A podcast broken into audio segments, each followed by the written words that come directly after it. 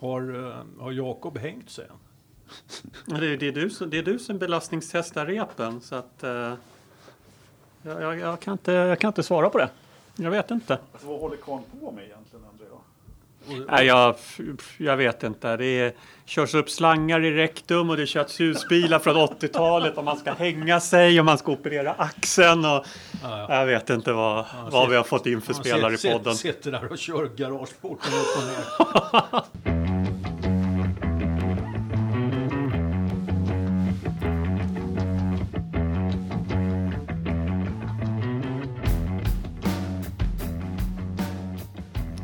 välkomna till Forza Motorsport-podden. Eh, tillbaks efter ett sommarbreak för att spela in avsnitt nummer 12.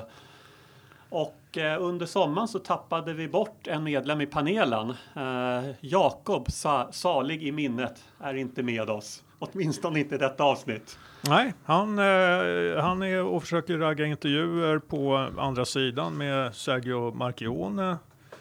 Och eh, vi skickade ju dit honom, för vi trodde ju att Niki Lauda var på väg dit också, men det, det var han ju inte. Så Nej. att, eh, ja, men skämt åsido, Jakob var ju... eh, Jakob opererar axeln och nu är han Ja. inte med oss. Nej, så han är inte med oss. eh, Just, jo, men han är, han är med i det här avsnittet. Han kommer ju, han kommer i ett litet inslag längre fram. Ja. Direkt från husbilen. Direkt från husbilen som han har köpt under sommaren. Ja, nej, men det, Så vi ska- Jakob är vår första gäst i podden. Det är, Eh, det är ja. fantastiskt. Ja, Efter det- 11 avsnitt som ordinarie medlem. Ja, exakt. Nej, men det, det kan ju säga det. Vi har ju inte hört vad det är som eh, Jakob har spelat in åt oss. Det kan ju mycket väl vara en ny sågning av Bottas. Vi vet inte. Det, det kan luta åt det hållet. Ja, en sågning av Bottas Ja. eller en hyllning av Ja. Hill. Det Ja. är väl... Ja, vi, får se. Vi, vi tror att vi vet lite grann. Kan också vara garageporten va?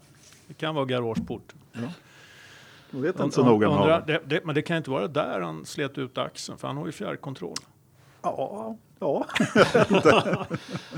Nej, mycket oklart. Det är något vi får återkomma till i avsnitt 13 om Jakob återvänder till oss. Ehm, vi är tillbaks i studion också. ja. Bara en sån sak. Då kan vi inte skylla på Skype och dålig uppkoppling för att det här Nej. låter skräp. Utan Ska vi, ska vi inte säga var vi befinner oss? Eller är det... ja, det kan man väl säga. Vi befinner oss i ett eh, konferensrum i slakthusområdet. Det passar rätt bra faktiskt. Ja.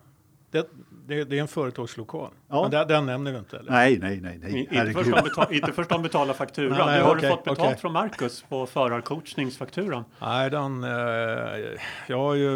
eh, Nu har jag skickat det till Kronkallen. Ja, lika bra. Ja. Ja. Så att... Eh, Ja.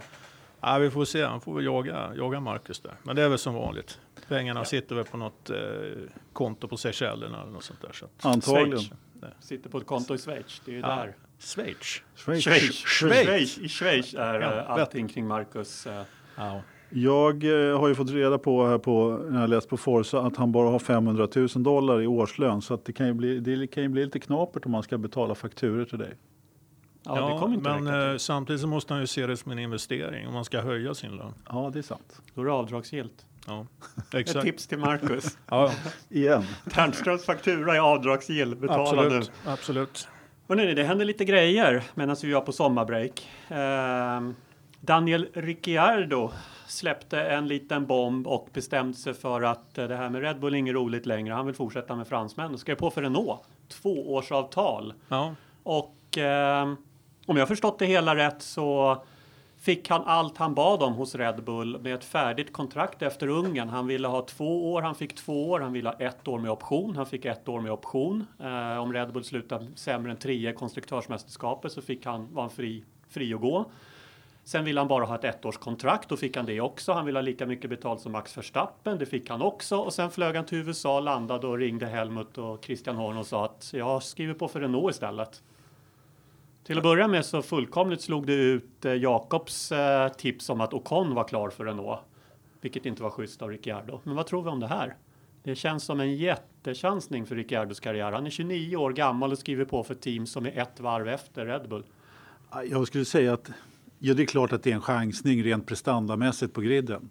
Men eh, hade det inte varit en chansning att vara kvar i Red Bull också? Alltså, just det här som du beskriver, att han fick allt han ville ha. Det var inte en fråga om pengar, det var Nej. inte en fråga om eh, status i stallet, det var inte en fråga om det var längden på kontraktet, ingenting egentligen. Och, och, att han inte hade satt pennan på pappret när han liksom hade fått allting som han hade bett om. Bara det borde ju på något sätt eh, få en att fundera på att ja, men, det är ju någonting som inte mm. stämmer här. Killen skriver inte på vad vi än ger honom. Vilket betyder att någonstans långt bak så fanns det ju en hake mm. som han inte kan leva med. Och den haken heter ju Max Verstappen förmodligen. Mm. Ja, nej men jag, eh, alltså vi, vi har ju tagit upp det i några gånger här när vi har spekulerat i Ricciardos framtid och, och nämnt Renault som det enda realistiska alternativet utanför Red Bull. Men visst var det en överraskning. Det är ju ingenting mm. att snacka om. Mm. Men, men samtidigt så, liksom ju längre det drog ut på tiden, så desto mindre överraskande kan jag tycka att det var att, att det kom. Men jag tror någonstans så har ju Alltså här, det, det, är två förhandlingsparter som uppenbarligen inte har ett hundraprocentigt ömsesidigt förtroende för varandra. Mm. Och, och, någonstans tror jag att Ricciardo kände det, liksom, att det är lika bra att och, och, och, börja på en ny kula med Renault. Tror mm. Och, och sen är han, han är 29 bast, två säsonger till eller en säsong till. Låt säga att han skulle bli, åka på jättedäng av Verstappen, vilket han skulle kunna göra även om han inte var förfördelad på något sätt. Mm. Det skulle han kunna bli av en ren tillfällighet under en säsong. Mm. Så skulle hans eh, framtida möjligheter vara helt utplånade. Att kunna bli världsmästare. Så att eh, jag, jag, jag, jag, tror faktiskt att, jag menar, vi, vi, har ju alla varit med om det här själva. Liksom. När man har haft ett jobb som man inte riktigt har trivts på eller man har inte känt mm. liksom, att fan, nej, jag kommer ingen vart här. Liksom. Och så börjar man bli gnällig och, och sen så tycker man att chefen mm. är skit. Och, det känns inget bra. Och då kan det ju vara, då brukar man som regel tycka att det är jävligt skönt när man har eh, bytt arbetsgivare, starta på en ny kula. Ja, ny energi. Ricciardo har ju varit hos Red Bull hela sin karriär. Eh, alla hans avtal hittills har ju styrts av Red Bull, det vill säga vilket team ska, vilket team ska du göra debut för i, ja, i, även innan Formel 1 såklart. Du ska köra där, du ska köra där. Nu vill vi att du ska köra i HRT, sen ska du köra Toro Rosso, sen ska du köra. Det här är ett sätt för Det är lite grann som när Hamilton flyttade hemifrån och lämnade McLaren för Mercedes. Nu likställer jag inte besluten i övrigt, för jag tror det här är en större chansning än vad Hamilton gjorde då. Men det här att lämna bort lite grann och, och, och, ta, ta hand om sitt eget öde. Ja, men jag var precis eh, inne på det och skulle just jämföra med eh, Hamilton mm. och hans flytt ifrån McLaren. Jag hade precis samma jämförelse där, att det känns lite grann så nej, jag måste bara välja nu. Nu, nu jag måste bort härifrån. Det här funkar inte. Jag, jag måste eh, göra något nytt mm. helt enkelt och det är det som han har gjort. Men jag vet inte, vi får se. Jag menar, vad sa vi? Hur gammal var han sa vi? 29? 29. Jag menar, det finns ju stall som som eh, fortfarande skriver kontrakt med 40 minusförare. Så att, som så det ryktas om här. Så att, ingenting, eh, ja, ingenting är omöjligt. Kim och Alonso kör ju fortfarande, men de kommer ju mm. de kommer å andra sidan från en annan nivå. De är båda världsmästare och har etablerat sig. Oavsett om, om, om de är sämre än vad de en gång har varit nu, vilket vi kan diskutera i evigheter, så tillhör de toppnamnen i Formel 1. Ricciardo är en av de här förarna som ligger Ja, han har tagit lite segrar, men han är ju inte det här toppnamnet. Han är en som skulle kunna bli ett toppnamn. Men han är ju inte där och då är det svårt när man är 31-32 att skriva kontrakt och han kommer inte bygga sig ett toppnamn hos Renault. Det blir ju en bedrift bara att ta en pallplats med dem, tror jag, under de närmsta två åren. Så jag hoppas jag har fel. Som fan vill jag ju ja. se fler team som slåss om segrar och pallplatser, men att ja. Renault skulle göra det på egna meriter under de närmsta två mm. åren, det kan inte jag riktigt se.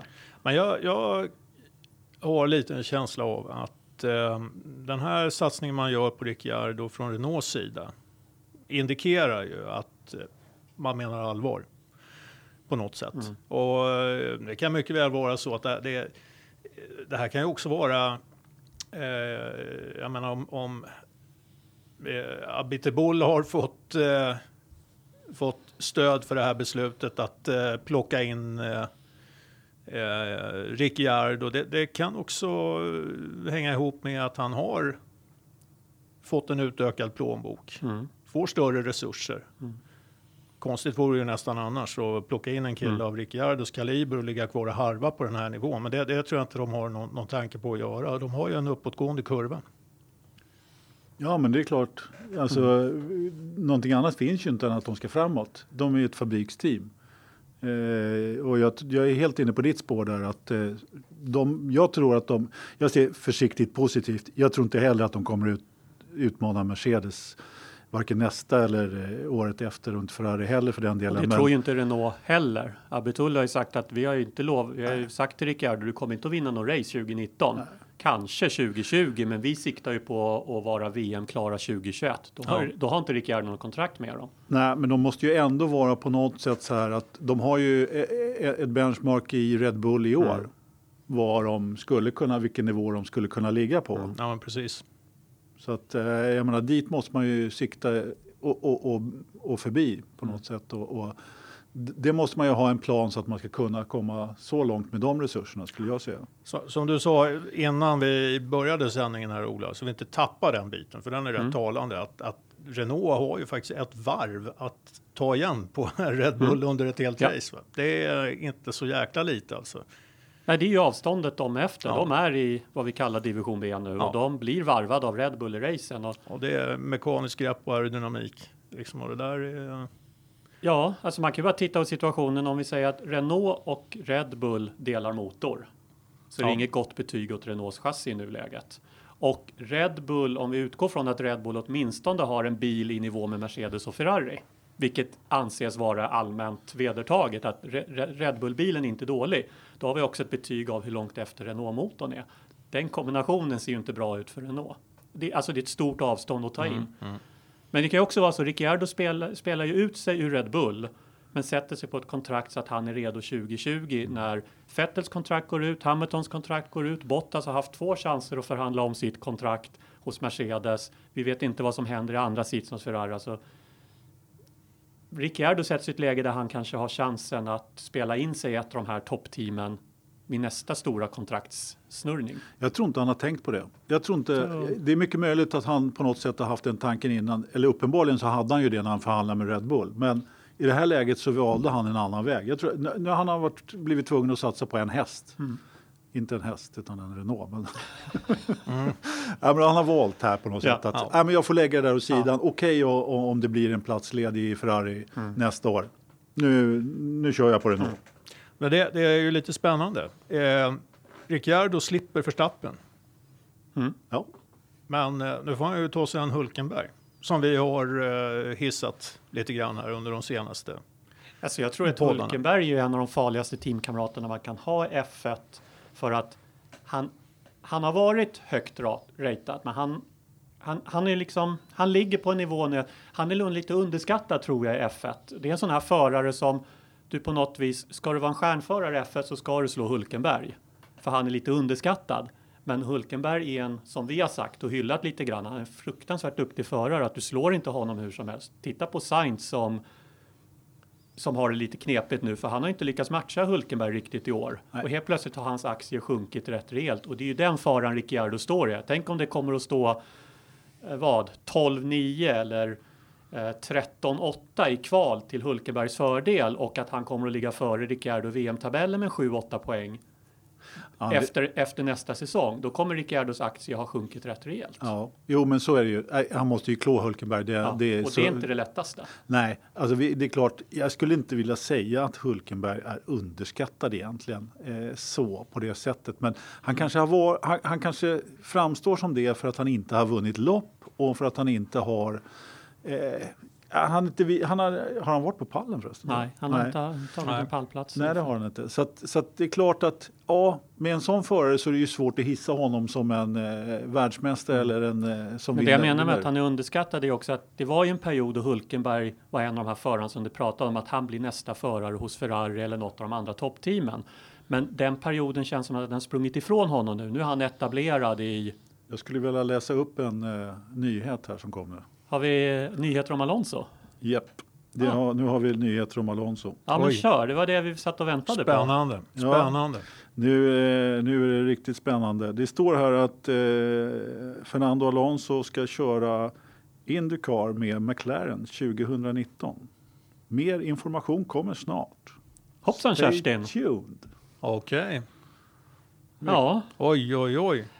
Alltså, den här diskussionen om Ricciardo skulle ju leda oss in på förarmarknaden och vad innebär det här? Och eh, Ja, Alonso lovade ju en tweet, var det för två dagar sedan, att idag skulle det komma ett besked. Och klockan har ju tickat iväg här under dagen och vi har suttit och väntat. Och hur länge kan vi skjuta på poddinspelningen? Och nu börjar det bli morgon i USA och eh, vi spekulerade lite om, kan det betyda att det är en Indycar-satsning? Nu blir det alltså nu blir det alltså Indycar för Alonso. ja, ja. Då får man förmoda att det där betyder att Alonso lämnar Formel 1 och inte gör någon dubblad satsning med några Indycar-lopp ihop med F1 utan han kör Nej. Indycar helhjärtat nästa år. Man säger så här, om, eh, om det nu hade varit eh, Det står att det är en fake. Men för helvete Anders! Källkontroll. Ja, men jag satt ju bara och uppdaterade där. Jag kan ju inte, jag kan inte källkontrollera i... Men Vet du, du får klippa det där. Nej, Jo, du får, jag vägrar. Nej, det är okej. Klipp inte bort det då. I så fall så kan vi fortfarande säga att det är det vi tror att de ska göra. Men Ja, herrejävlar. jag satt bara och uppdaterade Forza som alltid är en bra vet du, informationskälla och eh, rätt vad det är så dök det upp. Ja, men för fan. Kan ju inte lita på Forza. Jag menar, där enligt, enligt Forza så ska ju eh, Alonso gå till Red Bull. Nej, Marcus Eriksson. Jag har lagt Ja. upp den. Den är Fixad och klar. Så, eh, Ja, ja, ja, vilken jävla kollaps. det kan man lugnt säga. Ja. Det kan man Ja. lugnt säga. Nej, men var, var var vi någonstans? Vi, vi, eh, men vi, Ricky- vi har väl avhandlat eh, Ricciardo rätt, rätt väl, va? Ja, men vi ska väl avrunda den. Ja. Eh, men då ska Ricciardo bli Renault-förare. Och han har en utmaning i Hulkenberg och han Ja. smiter. Får man, får man vara så elak och säga att han smiter lite från Max Verstappen också? Ja, Jag var så elak ja, nu i alla fall. nej, men, Eh, eh, jag tror mer att det handlar om att han vill lämna Red Bull-familjen och göra någonting på egen hand istället för att va- vara i deras händer Ja, fortsatt. Jag tror att Ricciardo kan nog mycket väl eh, så att säga, ta att han skulle få spö av Verstappen. Men den känslan av att vara förfördelad vill han nog inte leva med. Eller misstanken om det, den är nog inte så jävla rolig. Man liksom. undrar vad som hände efter Baku egentligen. Vad som sades i det där låsta rummet när de kom ut och sa att det är 50-50 båda förarnas fel och båda förarna sa ja, jo, men vi har båda gjort fel Ja. och vi ber om ursäkt. Jag undrar vad som egentligen sades i det där rummet. Nej, men det, Tänk så- om Helmut Marko stormade in där och sa åt Ricciardo att nu får du fasiken skärpa till sig. Det här är under all kritik. Eh, Allt fel är på dig, men vi kommer inte gå ut och säga det. Nej, men det, det råder väl inget tvivel om att uh, Verstappen är ju liksom deras golden Mm. boy. Det, han, han, ska bara, han ska bara fram. Så att, Ja, och, och i det läget vara eh, den som är en lovande förare eh, och, Mm. och sitta som stallkamrat, det, är- det är ju inte lätt. Nej, nej. Och, och därmed så blir ju beslutet som man tog ganska, Mm. vad ska man säga, uppenbart. Ja. Ja, så här i efterhand. Jag vill fortfarande mena att det är en överraskning. Mm. Det är klart Men det var en här, överraskning. Om två år kommer vi sitta tillbaks och titta på det här och säga jo, men det var logiskt att han tog det beslutet och så vidare. Så oavsett hur bra eller dåligt det går för Ricciardo hos Renault. Ja, det är klart det var en skräll. Ja. Det, det, det, men det beror ju också lite grann på att väldigt många pekade i den riktningen och väldigt tunga namn sa att det var en, och, och mycket riktigt så då när man hör intervju med Horner så, så var det ju i stort sett så här, liksom en millimeter nära att han, han skrev Ja, de på. blev ju överraskade själv. Ja, då- de hade precis, inte han- med att... Horner trodde att han skämtade när han ringde Ja. till honom. Eh, så att det är klart att det är klart att vi blev överraskade då. Eh, men som alltid när man har facit sen så var det ju Mm. ganska, ganska klart. Jag har nu eh, tagit fram eh, Alonsos officiella Twitter här. Så att, eh, om, det, om nyheten kommer under Bra, podden bra. Så, så är det inga... Vi håller lite på Alonso i förarmarknaden, för det här ställer ju till det lite på förarmarknaden, Ricciardos beslut. Eh, till att börja med så står Red Bull med eh, tre platser och inte tre självklara förare till de tre platserna. Vem ska köra ihop med Max Verstappen och vad gör de med- Toro Rosso? Vem skulle du välja till din förare i Red Bull, Ola? Eh, jag skulle nog... Jag, jag, egentligen skulle jag vilja säga att jag skulle välja att ta tillbaks Carlos Sainz. För det är ett tryggt och säkert val. Och är men samtidigt, så som Gasly har kört i år, så plocka upp han till Red Bull. Men enda faran med att plocka upp Gasly nu och sätta honom bredvid Verstappen är risken att man gör en ny Kviat. För Kviat var en förbaskat duktig förare vars karriär fullkomligt sänktes och det får inte ske med Gasly heller. Men om man tar in Sainz hos Red Bull, ska man ta in honom som en slags tillfällig stopplösning tills man känner att Gasly är redo efter nästa ja. år och bara sätta Sainz på ett år? Det är ju inte heller en bra situation. Um, det vore kanske det logiska. Så ta in Sainz på ett ettårskontrakt med någon, någon option. Få Gasly att mogna till sig. Samtidigt, hur mycket mer ska Gasly göra i nästa år för att motivera platsen hos Red Bull? Skicka upp han i Red Bull redan nu. Så jag resonerar mig fram till att jag skulle sätta Gasly där. Och sen lite med armbågen ge Sainz ett Toro Rosso-kontrakt. Eh, tar han det så tar han det. Tar han det inte, ja men tack och hej. Vi hittar alltid andra förare till Toro Rosso, vilket jag egentligen inte tror är lätt för Red Bull. Men ja, jag skulle sätta upp Gasly. Mm. Mm. Frågan är um, hur trakterad är Sainz av att få en sits bredvid Verstappen? Alltså, jag tvivlar ju inte på att Verstappen är en snabbare förare. Eh, egentligen. Och risken är ju jävligt stor att eh, Sainz skulle eh, åka på däng. Däremot så tror jag att Sainz är en ganska, ganska stabil eh, förare som, eh, han gör ju få misstag, han ser till att, att biljäveln kommer i mål, mm. eh, plockar poäng. Alltså han gör ett, eh, han gör ett ganska bra jobb sådär och borde vara en tillgång för eh, rätt många team. Han, han, han presterar mm. på tillräckligt hög nivå i alla fall, även om han kanske inte är, ser ut som ett världsmästarämne. Men eh, Red Bull och, och framförallt Helmut Marko där har ju inget tålamod alls. Nej. Med de som eh, presterar sämre än den bästa föraren mm. i teamet. Ja, de har ju haft rätt mycket tålamod med Verstappen. Ändå, måste man ju ändå säga. Ja, men de, de har, de har, han har ju ändå som... levererat. Alltså, han, ja, har varit, han har varit sämre än Ricciardo. Det är ju hugget som stucket mellan de två. Uh, där det känns som att Verstappen är den snabbare men Ricciardo är den säkrare. Men när man summerar, gör bokslut efter säsongen så är det 50-50 mellan de två.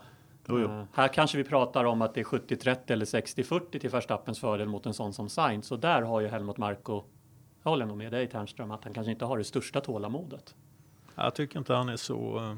Sen har ju Sainz lämnat. Han har ju gjort en Ricciardo. Ja. Han har ju brutit, han vill ju bryta sig ur Red Bull, ja. men har fortfarande kontrakt med dem och drog till Renault. Och nu har han blivit av med platsen hos Renault. Jag skulle vilket, tro... För, vilket är ju ett illa ja. betyg för honom. Red Bull är ju inte kända för att plocka tillbaks förare. Nej, Nej men alltså i Sainz läge, jag, jag, skulle nog eh, försöka, jag skulle nog nappa på i princip vad som helst. Vilket erbjudande som helst som dyker upp eh, mm. eh, just nu. Eh, jag tror som sagt, alltså ja, sätter han sig i en Red Bull, alltså då kan han ju vara rökt. Om han åker på stryk. Va? Men, men Mm. Ja. Men han är ju i ett läge, sätter han sig i Toro Rosso är han ju ganska rökt också. Ja, för ja, att han kommer ju inte visst. vidare därifrån. Nej, Då är han fast nej. tills han blir utsparkad från Toro Rosso. Ja. Och F1 därmed. Men han är ju ett knepigt läge Sainz och det är tråkigt på en sån relativt duktig förare att han får nog ta det som han får. Men jag skulle nog sätta jag skulle sätta Gasly. För att svara på din fråga igen så ska jag sätta Gasly hos mm. Red Bull. Ternström då, vem skulle du sätta? Ja, men jag jag, jag, jag är nog inne på samma spår. Jag tror att Gasly är rätt namn att sätta där. Sen är inte det säkert att det är det bästa för Gaslys karriär. Nej. Uh, och jag skulle önska att Red Bull var lite mer varsamma med, med sina förare i programmen och inte liksom avverkade dem så fruktansvärt fort. Det, det räcker med en halv säsong ibland för att en förare ska hamna i onåd. Mm. Ja, men det har det, vi pratat om tidigare, ja. att det är många bra talanger som har försvunnit utifrån eh, ja, ja, visst. programmet. Det är alldeles för många. Ja. Jo, men så är det. Nej, men eh, då kan vi nog bestämma med tre röster mot noll att eh, Gasly kör Red Bull nästa år faktiskt. Har Red Bull, finns det några andra alternativ än Sainz och Gasly till den, till den platsen? Om man bara tänker Red Bull har inte för vana att plocka förare utifrån sitt eget program, men de är i en situation i år då de inte har inte så många förare. Skulle de kunna plocka in någon annan förare i fältet? Ja, efter Ricardo-affärerna så vet man ju så, så, så är det ju svårt att svara sådär bombsäkert på det Mm. naturligtvis. Men jag skulle nog säga nej faktiskt. Vem skulle det vara? Historiskt, om man går bak, både Montoya sägs ju, han, han har i alla fall själv sagt och Red Bull har aldrig gått ut och förnekat att Montoya har haft kontraktsförslag. Det var många år sedan nu, men han fick kontraktsförslag från Red Bull efter att han hade lämnat F1 och Alonso har också fått kontraktsförslag. Men förhandlingarna bröt ihop en gång, så de har ju flörtat med förare utifrån egna leden eh, med stornamn. Ja, men nu, nu, nu eh, skojade du om det här lite grann och gjorde ett inlägg på Forza också. Att det, det, nu är det klart att eh, Alonso går till eh, Red Bull. Jag skrev att Marcus skulle gå till Red Bull. ja, jo, det, du gjorde ju det, men den, den känns ju faktiskt ännu mindre sannolik om man, skulle vara, om man ska vara ärlig. Nej, men Ja. det, det skulle ju vara en bomb utan dess like om Alonso och Red Bull skulle komma överens. I synnerhet efter, efter de här uttalandena som har varit i, i pressen. Men alltså, eh, ja, Ja, ja De- de- precis. de- de och skulle- dessutom Alonsos historik med Honda. ja, ja, Ab- ja, ja, precis. Och eh, sen är det ju så, det, det är ju lite grann så som Horner säger förmodligen att Alonso är något av en destruktiv kraft.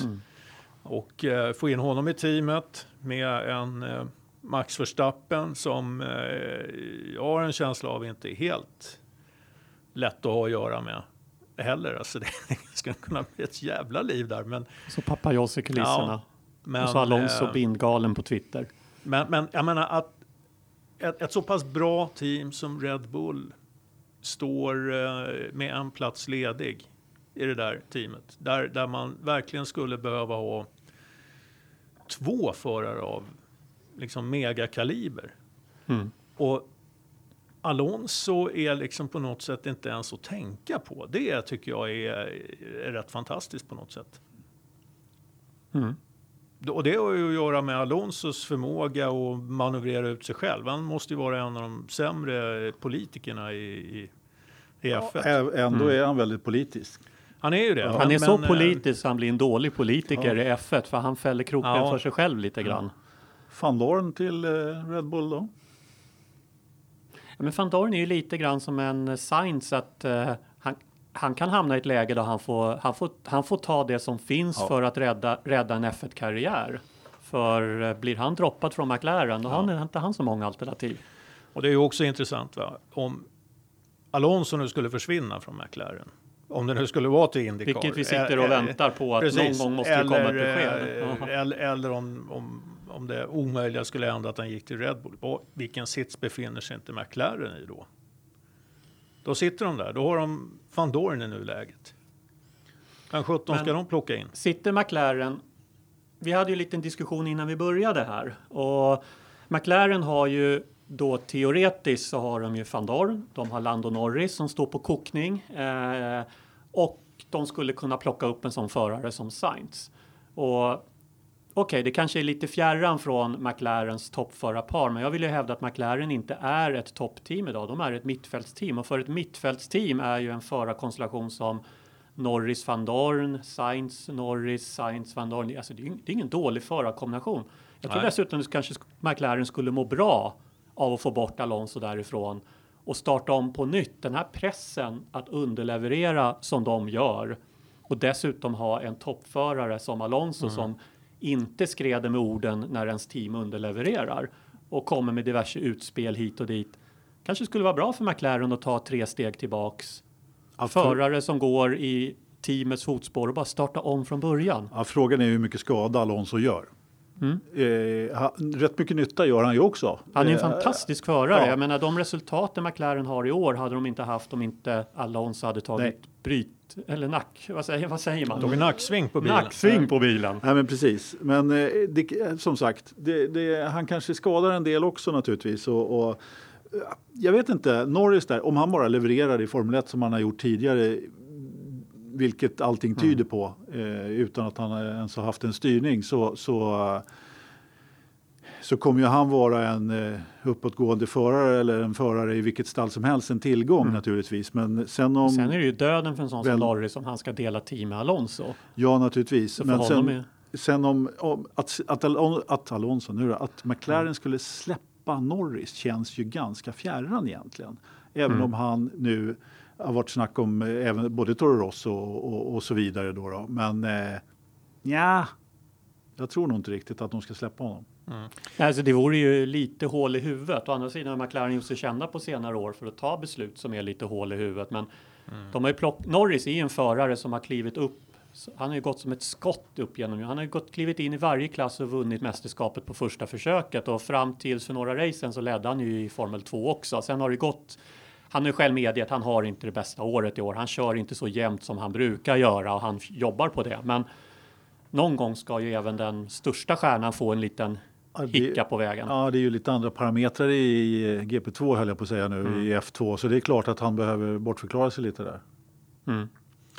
Men ehm, ja, jag, jag eh, sitter lite fast i, i tankarna runt McLaren Mm. och eh, deras eh, fall från, eh, från tronen som vi har, har, eh, har fått eh, bevittna här under de senaste åren.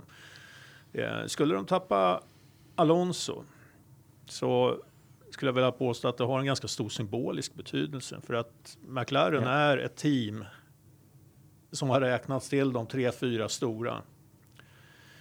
Skulle de tappa Alonso och sitta där med Lando Norris eller Sainz och van Dorn eller någonting, eller, ja, det, det, det kan vara bra förare.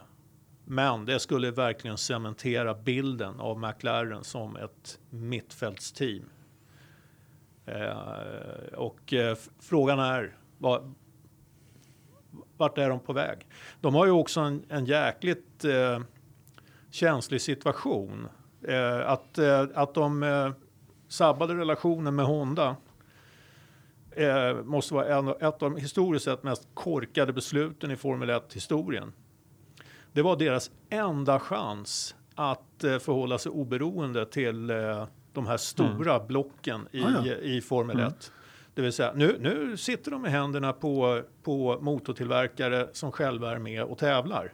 Och då får man spela andra fiol. Och så kastar de ju dessutom eh, den här chansen i knät på sin största konkurrent.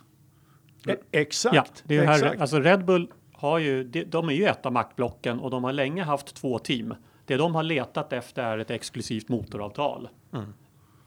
Om de inte kan få en konkurrenskraftig motor, åtminstone ett exklusivt motoravtal. Och det hade de ju med Renault tills, tills det nya reglementet kom. Renault misslyckades och sen kliver in som egen team. Alltså Red Bull och de hade dessutom ett team att experimentera med i form av Toro Rosso i år. Så de har kunnat chansa med Toro Rosso och se hur samarbetet för, förluper under, i skarpt läge under en säsong innan de tar beslutet. ja, men absolut. Så jag tror att det är genomtänkt vad Red Bull har gjort. Nu, jag tror inte det är en chansning för dem att ta in Honda i, i Red Bull-teamet. Jag tror att tiden var rätt för det.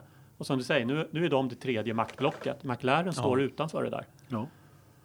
Ja, Nej, det är, chansning är klart, ah, det beror på vad man säger som chansning, men eh, det är inte samma chansning som om eh, som, som, som eh, om Sauber hade vidhållit sitt Honda-kontrakt eller så vidare. De vet, alltså det känns ju som att Red Bull vet, vet vad de gör Ja. långsiktigt Mm. eh, på ett helt annat sätt än vad Ja. McLaren som hoppar från stol Ja. till stol. Ja. Hade McLaren ett eh, sumpat Honda så eh, hade Red Bull suttit i en mycket, mycket värre sits. Det hade de. Så att, eh, ja, det, är, det är otroligt misskött av, av Mm. McLaren. Fan, ni, Ja. ser, ni sitter och spejar i Ja, mobilen jag, jag här. tittar, Händer klock, det någonting? klo- nej, men klockan närmar sig 11 nu i Washington och New York. Så att, eh, Ja. jag, jag tror att det börjar bli tid för att presentera nyheter om man vill göra någonting i USA. Klockan är fem här i Europa. Ja. Så nu släpper man ju inga Här, stora är- här är det ju nyheter. för sent. Nej, nu börjar man ju sätta på pastakastrullen. Alltså. Ja. exakt. Nu skickar man ju inte ut Men eh, pressreleaser. ja, fan, du har ju, Ola, du det är har bara ju, jag som skickar ut pressrelease efter klockan sex på kvällen. Ja. Press, pressreleaserna är döda för Ja. övrigt. Men eh, eh, du har ju spekulerat en ny kepskollektion. Där. Det kanske är precis vad det handlar om. Ja, jag tror det blir en Det triple blir- crown keps ja, från exakt. Kimoa. Det är, det är det hela. Ja. Det blir, värd, det blir platt fall på den här Det, Twitter-teasen. det blir en eh, antiklimax klimax utan dess like. Ja, Ja. ja, sen eh, lördag Belgiens GP efter, efter fria träningen 2 så släpper, eller ja, Ja. för fredagen efter fria träningen 2 så släpper de att nej, men vi ska på ett nytt kontrakt med McLaren för ett år till med Alonso. Ja, men jag, jag, jag tror på halokeps med skärm. Jag tror på en keps med tre skärmar, en triple crown keps. Ja, det är bra. Jag tror att eh, Alonso ska presentera sin nya sponsor, Rich Energy. Oh. Ja, Gör han det. Ternström, då erkänner jag att Rich Energy inte är en bluff. Eh, då, då, tar, då tar jag det vadet som du och jag har här lite separat och säger att de är ingen bluff. Ja, ja men det är Den bra. kan du få.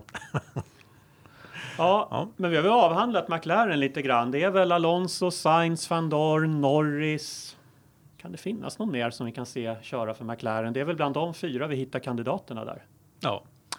Perez. Ja, tillbaks igen Nej. alltså. Med mexikanska sponsorer den här Nej. gången. Nej, kanske Nej. inte. Nej, men jag vet inte. Nej, jag, jag, vi pratar ju Force India. Eh, om vi ska komma in på Mm. Ja, dem. det tycker jag. Det är väl ett tillfälle så gott som något. För att vad finns det annat på förarmarknaden? Vad, ja, Ferrari kan vi ju kanske lite snabbt ja, det är väl inte... Är det, avhandla innan vi går in på Force India. är det bekräftat? Nej. Kimi? Nej, Nej, det är ju inte inte det. bekräftat, Utan det är ju men bara... Pendeln har svängt. According to Spanish media. Ja, just det. Precis. Och vad, vad vet de?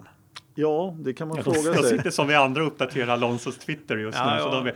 Men pendeln har ju svängt där. Eh, Det var inte många, Mm. det var väl någon månad sedan som det var närmast kommer Leclerc att ersätta Kimi redan under den här säsongen. Och ska Ja. Kimi köra Sauber resten av året och kanske nästa år. Till att det nu har svängt till att eh, Kimi kanske till och med får tvåårskontrakt med Ferrari, inte bara ett år till. Mm. Och att det nu känns det som att det är Kimi som Leclerc står på kokning i Ja. ett år till innan han får köra Ferrari. Och det var en axeloperation som Ja. hela den här omsvängningen började. Sergio Marchionne Mm. eh, som ju avled efter eh, axeloperationen. Det var ju inte bara en axeloperation, han hade ju tumörer, hela kroppen stack han. Mm. Eh, men det sägs ju att han var ju eh, en stark kraft när det gällde att, att driva fram Leclerc till, eh, till eh, Mm. Ferrari. Nu har han försvunnit. Eh, sägs också att han och Arriva Bene är kanske inte riktigt, eh, var, var inte riktigt eh, helt överens om hur, vad som var bäst för teamet. Och Arriva Bene är eh, en stor vän av Kimi. Då. Så att, Mm. Men ja, det, det kan säkert vara så att de behåller Kimi. Och eh, delvis har, har det nog att göra med just att Marchione har, har försvunnit. Men det har nog också att göra med att jag tror att eh, alltså vi, vi har sett en eh, inspirerad Kimi under de eh, sista racen.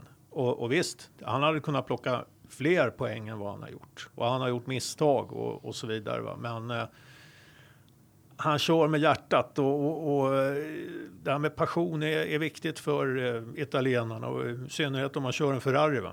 Det är ju lite, eh, Ale, Alesi var, var ju också väldigt, väldigt populär liksom bland Ferrari-fansen. Men det blev ju bara en seger där. Det Eller var hur? kanske lite för mycket passion. Ja, det var lite för mycket Ja, passion. det var lite, kanske lite för mycket passion. Men Kimi och Vettel, de, har, de är väl någon slags balanserat passionerade. Ja. Eh, båda gillar att köra, båda gillar Ferrari, men samtidigt det som jag tycker Arva Ben under sin tid nu Ferrari har ju försökt styra bort Ferrari till att vara det här kaosteamet som så fort det blir lite motgång, alla skyller på varandra, de spelar ut varandra i italiensk media, utan nu är det lugnt, tryggt, säkert och då är det ju logiskt om alla i teamet trivs med Kimi och det funkar med honom där och det är ingen brådska att få in Le- Leclerc i, i teamet egentligen. Varför skulle det vara så bråttom? Nej, inte för Ferraris del egentligen. Dä- Däremot så kan jag ju tänka mig att Leclerc gärna skulle ta det där steget så snabbt som möjligt. För att varje säsong som man kör för något team som ligger i mittfältet eller under mittfältet är eh, det finns en risk förknippad där. Alltså att det, det, Mm. Presterar man inte och det behöver kanske inte ha att göra med, med ens e, eget, egna kapacitet att göra så kan ju bilden av en som förare raskt förändras. Mm. Och då är man inte lika intressant längre för att ta det där klivet upp i, i Ferrari. Ja, men det finns ju ett gammalt talesätt. Liksom. Det gäller att smida medan järnet är varmt. Och Ja. Det är ju lite så eh, för, mm. för Leclercs del naturligtvis. Mm. Ja, det är ju samma som vi pratade om med Ricciardo och Hulkenberg. Att dagsformen kan väldigt snabbt sänka din aktie. Helt Så plötsligt är det. så är det, Ja. om Leclerc fortsätter ett år till i Sauber och Marcus om vi förutsätter att Marcus också kör ett år till och helt plötsligt är avståndet mellan dem mindre än vad Ja. det var i år. Precis. Då faller ju Leclercs aktier, då kan han vara, då kan han vara ute. Så är det. Ja, Jag, jag skulle säga att det, jag tycker att det är ganska intressant med Martiones eh, död. Att han hade så pass mycket att se, eller säga till om. Han är ju, chef, han var ju högsta bossen. Men att han var inne i detaljer på det sättet och eh, petade på, på ett sånt sätt och var den som styrde egentligen. Och det är klart att om han var lite sådär framåt progressiv och ville ha lite nya eh, unga förare i Ferrari. Framförallt billigare förare. Ja, kanske det också. Ferraris förarpar är väl det dyraste på griden Ja. beroende på vad man ska tro om olika löneanspråken. Jag Men jag vet inte hur mycket det har eh, Nej, men bäring, men det, om man det- tittar visst på hur han det- har drivit bolag inom Ferrari-koncernen eller. Fiat-koncernen så har det ju varit den typiska revisorn Jo, eh, jo. räkna pengar. Här ska vi få ut mest möjligt av minst antal kronor. Det är klart att det kan Ja. ha en, en betydelse så. Eh, sen tänk- jag sen, pratar- tror jag att det, sen tror inte jag det var avgörande. Nej, det tror jag inte heller, På men- det, eller var, att det är avgörande för, för honom så på det sättet. Så länge, men, men, men visst, Mm. eh, det gäller ju att maximera eh, det man har. Nu har ju Ferrari så pass mycket kapital och, och, som de kan eh, leka med så Mm. att de kan ju hyra det bästa förarparet. Men i vilket fall som helst så, så eh, det är ju, ter sig ju ganska, det jag skulle komma till var att det, det ter sig ju ganska naturligt om en, en sån person som är väldigt framåt på har bestämt hur den ska ha sig. Hade man inte skrivit på alla de här papperna redan, vilket man förmodligen inte hade gjort, då ter det sig ganska naturligt att man drar sig tillbaka lite från de som tar över och bestämmer och kanske tittar på spelplanen på ett annat sätt. Att, äh, men vi måste nog hejda oss lite grann här. Eh, så. Han har visserligen sagt att han hade tänkt göra det här, men vi avvaktar lite. Det, det är klassiskt, skulle jag säga. Men eh, sen eh, det här med Marchione kanske var involverad på en sån här detaljnivå. Det, det är egentligen inget nytt och ovanligt för eh, Ferrari. De har ju en eh, tradition ända sedan Enzo Ferraris tid av att liksom hantera saker på, på ett lite annat sätt med, med eh, folk från parfymbranschen som har varit teamchef och, och allt möjligt konstigt. Va? Eh, fastän du sitter där och, och viftar eh, med, med mobilen nu, Anders. Nu kom filmen från eh, Alonsos. Nu, nu prövar jag igen och Ja, ja. talar om. Fast det, det står inte vad som har hänt, men jag bara spelar upp filmen. Här. Bra podd just nu. And this year, while still driving at my best, is how I want to remember you. I can only be grateful to you and to the people that are part for having introduced me so many cultures. vi måste ju säga man får inte vara tyst i radio. Jag vet inte hur mycket han det- Alonso pratar ju. having been my life. I know you love me, and be certain that I love you too. Han ville bara tala om att han älskar oss. Det var ju snällt. Vad i helvete? Ja. vad fan var det där nu då? Ja. Vad var, var, och videon? Du såg ju bilderna, det gjorde ju inte vi. Nej, det var bara... För, för, oj, jag kanske inte ska spela upp det igen. Det var Nej. bara liksom ett eh, sån här eh, collage från hans, eh, från hans karriär. Men vad, vad, Ja, fan, ska låter ju som att han har, har någon jävla avskedsmeddelande på Ja. gång här. Liksom. Vadå, jag älskar er. Vem, vem då? Det, ja, nu ser jag. Inlägget heter på Twitter heter det Dear F1 och så är det den här filmen. Ja, just det. Jaha. Ja, men vi pratar vidare lite om förra marka nyheter medan vi väntar på att den här förbaskade nyheten om Ja. Alonso ska, ska Det släppas. var ju jävligt kryptiskt alltså. Men det, det luktar ju lite att han är på väg att lägga av eller någonting. Här. Lämna Och- F1 i alla fall. Ja, och ger en, en, en kärleksförklaring till Mm. eh, fansen här på någon jävla vänster. Ja, men Ja, grejer det är på gång. är- Vi, vi sitter och väntar Ja. och innan Ja. vi kommer in då. Helt klart så är det så att han eh, säger tack och adjö. Det skulle jag säga också. Ja, Vi kan inte låta en sån som Alonso styra Kan vår du sätta på podd. pausknappen så kan vi eh, lyssna på det här en gång. Så kan vi fortsätta sen. Ja, men kör upp det. Jag kan klippa bort det. Ja, men för jag har ju kört det en gång till. Men visst, Ja. jag kör upp det en gång till.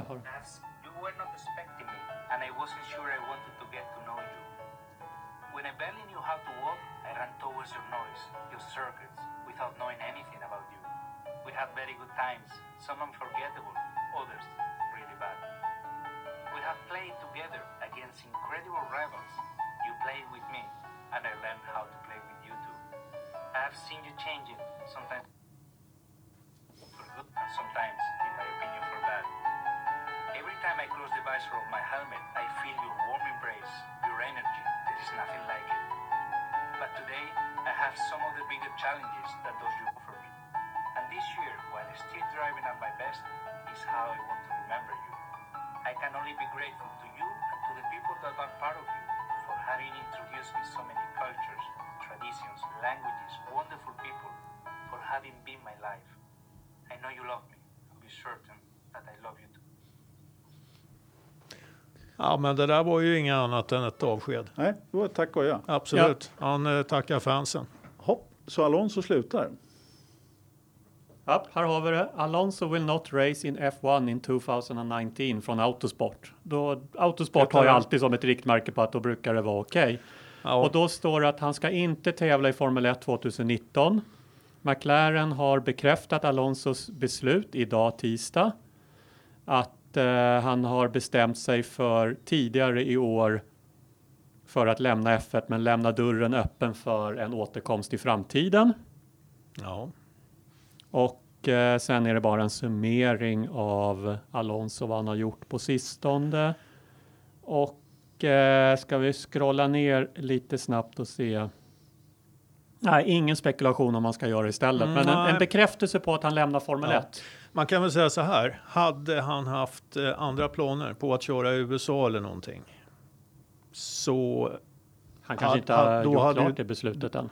nej, men. Han kanske eh, bara bestämt sig för att nu stänger jag dörren till F1. Nu får vi se om jag bara ska köra Indy 500, bara ovalloppen eller om jag ska ta ett sabbatsår. eh, Det, det är klart, alltså han ökar nyhetsvärdet på en, eh, en Indycar. en eh, Indycar om, om han väntar ett tag Ja. och folk får spekulera Ja. och kanske tror att han har lagt av. Så att vi får väl se Mm. eh, v- vad som händer. Men, Det är eh, fantastiskt. Mitt i inspelningen av podden så, får, Ja. så lyckas vi i alla fall få ut Alonsos eh, stor, besked. eh, Han lämnar Formel 1. stor dramatik. Ja, Det slog ner som en, en bomb här. Eh, An, Anders eh, ser ju nästan... eh, Jag är chockad. Han är gråtfärdig. Han, Han är chockad. han, han sitter där och Jag är den enda som inte är Ja, ett stort Alonso-fan i den här han, podden. han får flashbacks från när Alesi la av. Och, och, och, Nej, det var inga problem. Kimi körde han av banan rätt i, i Japan där bara, sen var det slut. ja. ja men då, ja, men det var det. Då, det var det. Då, Ja, precis, då lägger vi ner då det. kan, Då inget mer då att kan vi, om. ja, vi får ju starta om podden. Nej, men vi Nej, kan fortsätta på det här. Alltså, det här är ju inte något. Vi var redan inne på det att eh, vad händer med McLaren om de inte har Alonso? Nu har de inte Alonso och inga andra team har Alonso i Formel 1 längre. Formel 1 har inte Alonso längre, Nej. så att nu får vi se vad Alonso ska hitta på. Men eh, Nå, ja, nå- Något av en era som är över en karriär som hade kunnat vara mycket, Så mycket mer i. Formel 1. Ja. Det är ju ingenting att snacka om. Eh, Alonso, eh, han skulle ju egentligen vara med på den där listan med de här som har en 4-5 VM-titlar och kanske mer ja absolut.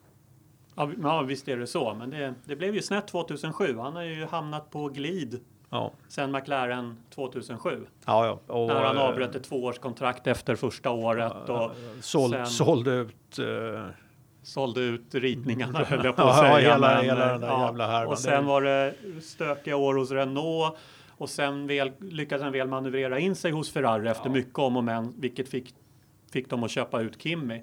Med två år kvar på, det, på ett Ferrari-kontrakt valde han att lämna Ferrari för, Mm. för McLaren. Han, ja, han har ju tagit tokiga beslut. Han har ju varit underhållande under sin karriär Mycket. i alla fall här ett tag. Eh, Får inte måste säga radiotrafiken de senaste par ja. säsongerna Ja, har ju jag menar varit det. eh, en riktig höjdare. Ja, verkligen. men fantastisk förare. Mm. Fullständigt i, i eh, ja, den absoluta toppklassen. Det är ju en, eh, Är det här hans beslut? ja det tror jag. Ja, jag skulle säga, jag, jag tror det. Men McLaren Vi får väl skulle, se skulle vad som väl aldrig kicka ut honom. Tror du inte? Nej, det, det har jag jävligt svårt att... Alltså jag har ju tänkt under sommaren att vad kul det hade varit om McLaren hade tagit beslut, tagit kommando över sitt eget öde och sagt till Alonso, du det blir inget mer kontrakt. Vi, vi står vid ett vägskäl och vi väljer en annan väg. Vi, vi, vi kan inte lägga ut de här pengarna på förare. Vi måste hitta oss själva som team och starta om det hela så att du kommer inte få fortsätta över 2019. Det hade varit kul om McLaren hade gått in och sagt det till Alonso. Jag tror, jag tror inte att Zac Brown har gjort det, men det hade ju det, det, för McLarens del så tror jag det hade varit bra för Ja. det här kommer ju bara ut att Alonso, nu, nu överger Alonso F1, han överger McLaren, Mm. han tror inte på McLaren-projektet längre så mycket så han är beredd att sluta sin F1-karriär. Mm. Ja, men det, det, det kan vara så här att eh, och, och, och det kan ju vara en, och det kan ju överensstämma med verkligheten också. Alltså McLaren kan ju ha sagt, vi har inte råd att betala de här pengarna. Nej. Så kan det ju vara. Och, och då, då är kanske Alonso inte intresserad av att ett, sänka, sänka lönen. Han är, han är inte Mm. intresserad av att eh, söka sig någon annanstans heller, där, eftersom de allra flesta dörrar är stängda. Mm. Så att, eh, ja men det är intressant. Ja, verkligen. Eh, helt klart. Nej, jag vet Nej, men då slänger jag upp bollen att då blir Sainz en av McLarens två förare nästa år. Ja, det blev Eh, ju sen- betydligt mer troligt efter det här. Ja, men vem annars ska de ta? De kan ju inte sitta med Norris och van Dorn. Nej, finns, Egentligen. eh, Finns det någon koppling mellan Sainz och Alonso annat än att de är spanjorer? Funderar jag på. Jag vet Nej. inte vad du menar med koppling, men de verkar väldigt nära varandra. Ja. Alltså Carlos Sainz senior och Fernando Alonso verkar bundis och det verkar finnas en koppling ganska långt tillbaks i tiden med när, när Sainz var liten att han hängde lite grann med Alonso och blev upplärd av honom. Mm. Ja. Att det finns en kompis eller en vänskapskoppling snarare än en kommersiell koppling. Ja. ja, jag tänkte på om det kunde finnas någon kommersiell koppling där. Men eh, jag menar... Kan eh, det men- vara, kan det vara, kommer ni ihåg när Schumacher la av första gången? Eh, för att, eh, om jag minns rätt nu, att eh, Ferrari skulle ha Kimi. Och då var det helt enkelt att den andra bilen skulle köras av Schumacher och då åker Massa ut. Och då valde Schumacher att lägga av för att Massa inte skulle åka ut. Att det är lite så här lojalitetsskäl. Ja, men då kan jag väl lika gärna lägga av nu så jag får min mentor alltså får min eh, lärling massa fortsätta. Att det är lite grann så för Alonso att ja, men okej, om jag lägger av nu, Sainz Junior får min plats hos McLaren och han har chans att fortsätta sin F1-karriär. Jag är ändå klar med det här. Jag kanske vill att lägga av på ett annat sätt något Ja. år senare, men jag är klar med det här. Det kan, så kan det vara. Jag vet inte om jag är med på den historiebeskrivningen riktigt, men, men visst. Det som, det som kanske förstärker det är ju att, att han liksom går ut med en film nu ett par veckor innan spa. Halva säsongen är kvar. Vad fan ska han göra som massa eller dansa på podiet varenda, eh, varenda lopp? Eller vad, liksom, hur, hur, hur gör man det? Eller varför gör man en så? Varför säger man inte bara tack och adjö Japan? Eller? Ja, men det kan ju... det Ja, men, men McLaren blir behöver ju presentera en ersättare långt innan säsongen är över. Va? Förmodligen. Ja, kanske det. Men eh, tror du Och, och, ingen- och, sen, och sen gäller det ju då, om de nu, eh, för det här har de ju säkert pratat om eh, internt. Jo, det är klart. Det, det framgick ju att eh, de har känt till det här länge, men eh, då gäller det ju att eh, alltså, du vet, det, då ska det ju inte läcka ut heller. Va? Nej, men jag, jag, tror att det jag tror att det har lite grann med det att göra, att man vill ge tid åt McLaren att hitta någon annan eh, och, och, och att de ska kunna presentera den föraren utan att den stora nyheten blir att ja, men vad fan hände med Alonso Ja. då? Liksom. Så nu har man liksom rensat bordet. Och från Alonsos sida också att det ser att, det, att han, det är han som har tagit beslutet. Han har inte Ja. tvingats att ta beslutet för att McLaren har signat andra förare. Nej, nu kan han nej, gå ut och säga nu är jag klar med det här. Det är mitt beslut. Varsågod. Och nästa stora grej blir vad, vad, vad McLaren ska presentera. Jag tycker ändå det är tidigt, men visst. Det, Ja, det, ja, ja. det är logik i det ni säger båda Ja, ja. två. Men det- Men det har ju blivit tidigare och om vi bortser Ja. från Nico Rosberg som vinner VM och sen bestämmer sig för att sluta så har Ja, det blivit ganska tidigt med att man bekräftar sina planer både att byta team eller att lämna F1 eh, senaste åren mot. Men det kanske är det här moderna samhället av att det går inte att hålla någonting hemligt idag. När väl ett beslut är taget så någon pratar med någon och så sipprar det ut Ja, på ja. Twitter och Herregud. Facebook och sånt där och underhandskällor.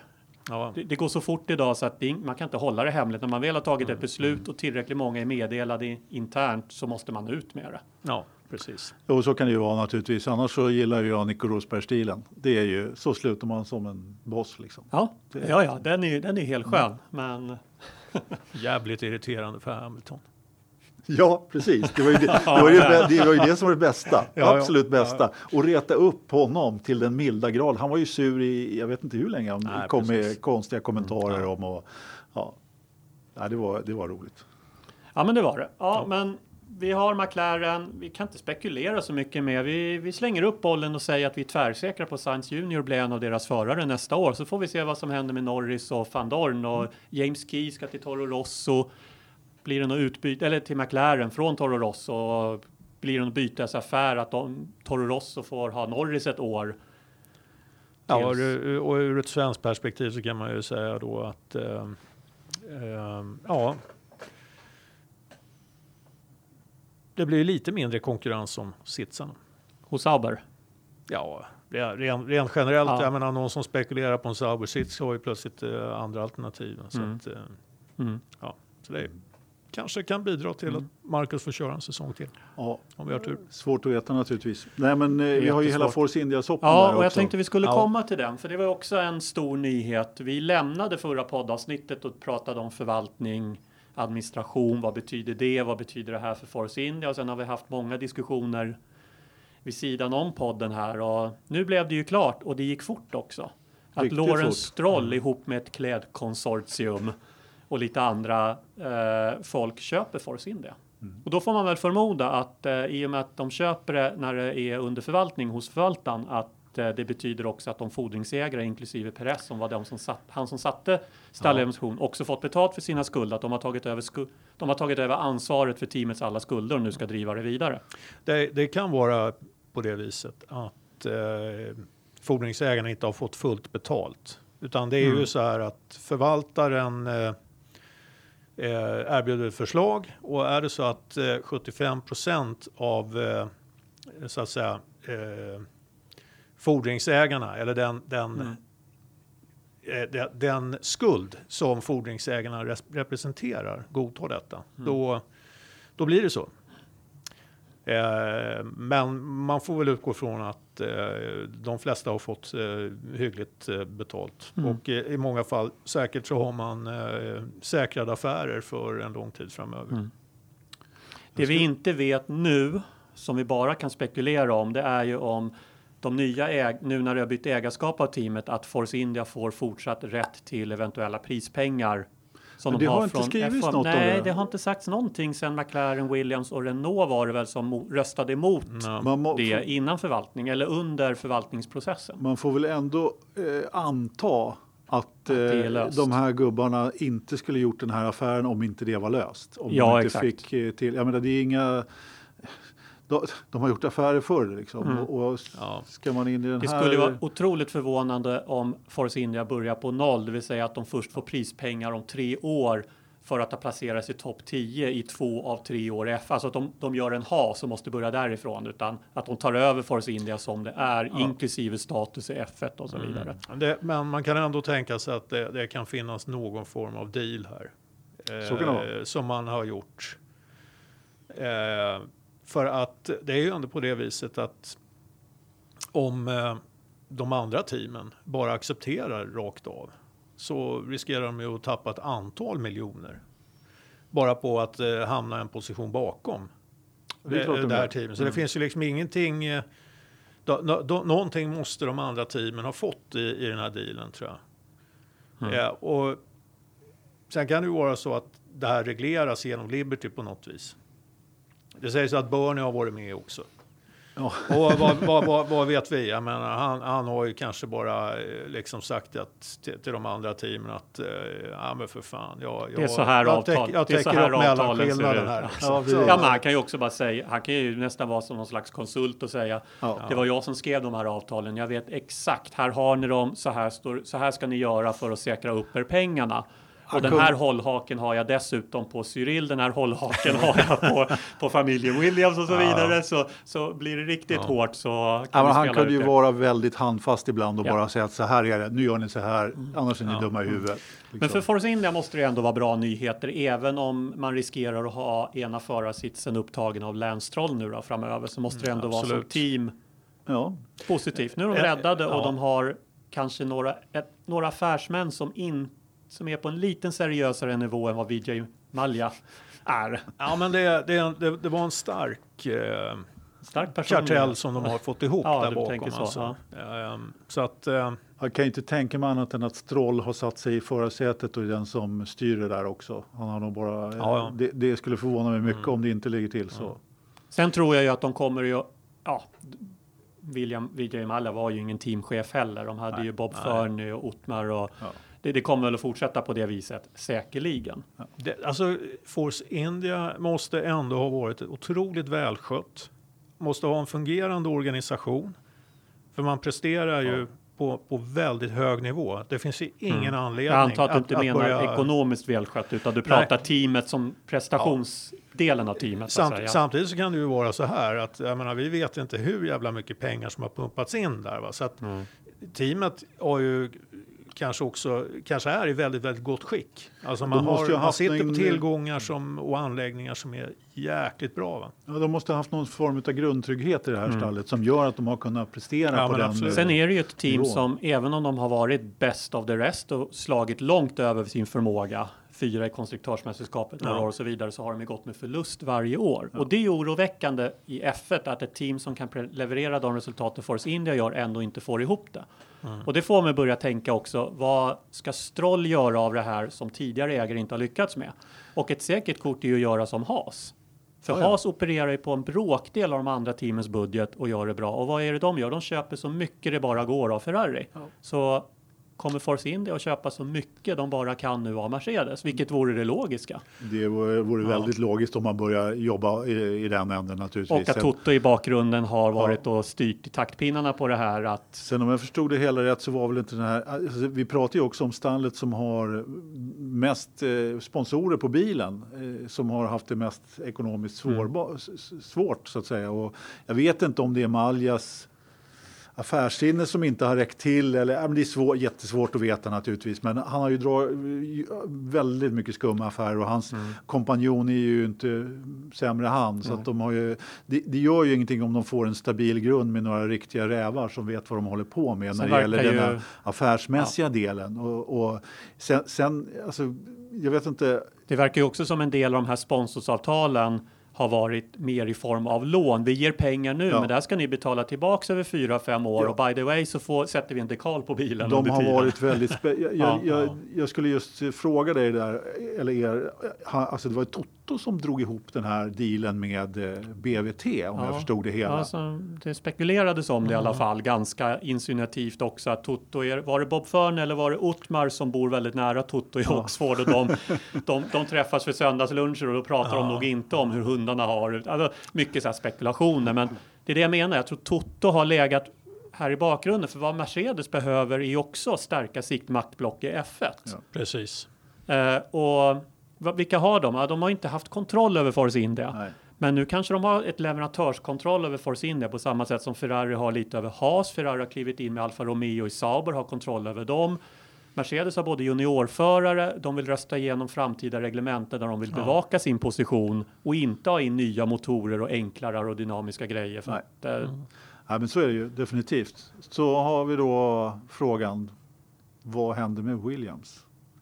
Ja, men det, det är ju Mm. lite samma grej där. Va? Och där, där har det kommit indikationer på att även de kikar på och, och, och liksom börja eh, köpa delar av, av Mercedes och så vidare. Va? Men sen, det finns ju en annan eh, möjlighet när det gäller Williams. Och, eh, eh, därför att Renault behöver ju också stär, stärka sin maktposition Ja. i, eh. I, i Formel 1. Va? Och Så jag att- tror ju aldrig att Renault kommer ju, alltså McLaren kommer ju inte bli ett B-team till Renault. De, eh, McLaren är ju lite grann, tror jag, i ett Mm, ja. ingenmansland. De kommer, aldrig, de kommer aldrig sätta sig i en situation där de köper grejer av Renault. Det kanske sker något utbyte mellan dem. Det kommer inte vara den här maktpositionen. Så Mm. absolut, Renault behöver skaffa sig en partner som de kan styra lite med. Ja, precis. Och eh, någon, någon som de kan sätta sina förare som de Mm. Plockar upp underifrån då som eh, eh, Markelov är det väl som, som, som de G, Mm. eller i F2 där till Japp. exempel. Eh, eh, så att eh, det, det här, på något sätt så det här politiska landskapet har ju skapat en, en eh, på sitt sätt en rätt bra förhandlingsposition för Williams.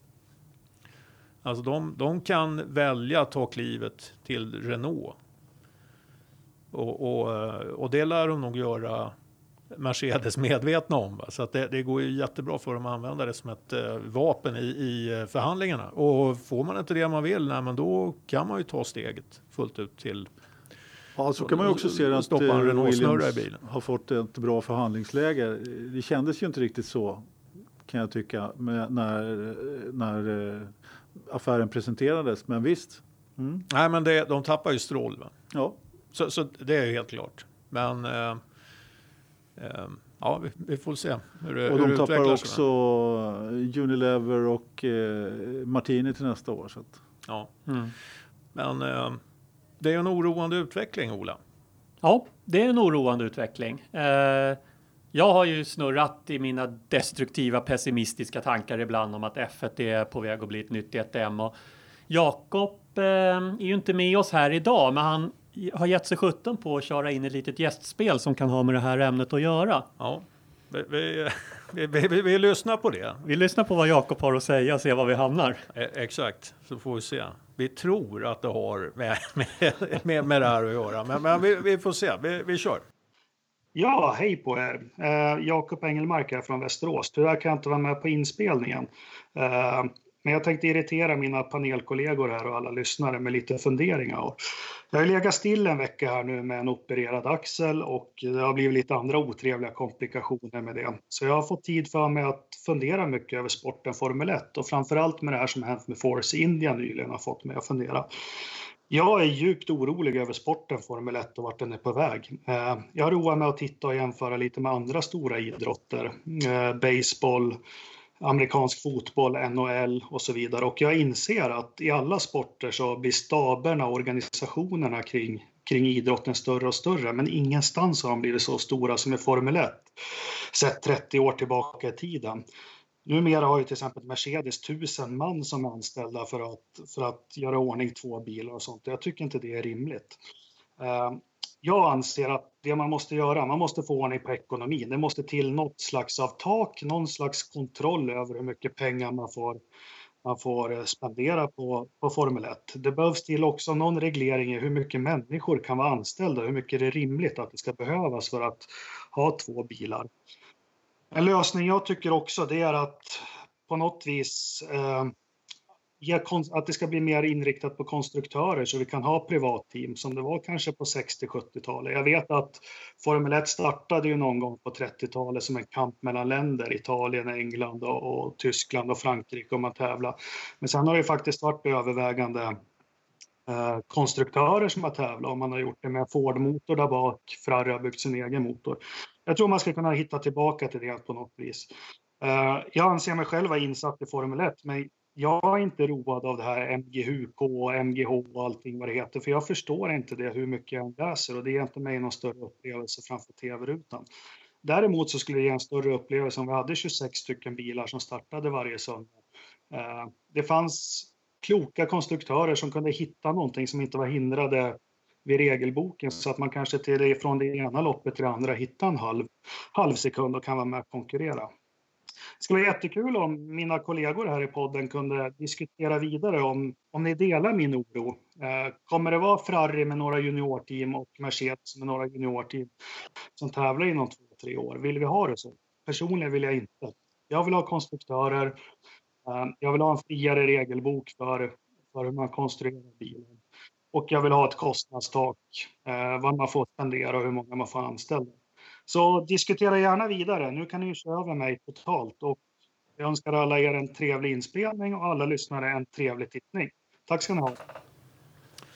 Ja, det var ju lite tankar från Jakob som vi har varit inne och snurrat på. Det är eh, allt ifrån de här maktblocken vi har pratat om, eh, Ferrari, Mercedes med diverse juniorteam, alltså en DTM-utveckling eh, som jag kallar det för kostnadstak, budgettak, eh, förändra hur intäkterna tillfaller teamen. Det var väl lite grann för att komma tillbaks till att vi har friar team som bygger sina bilar och tävlar med dem. Mm, det är väl lite grann det. Mm. Och vill vi ha den här utvecklingen som vi ser nu med makt, maktteam eller två, tre stora tillverkare som ja. kontrollerar fältet. Det, det, här det knyter också an till något som vi har pratat om tidigare eh, under säsongen här. Och det, det, är ju det här att vi har ett division 1 och ett division 2.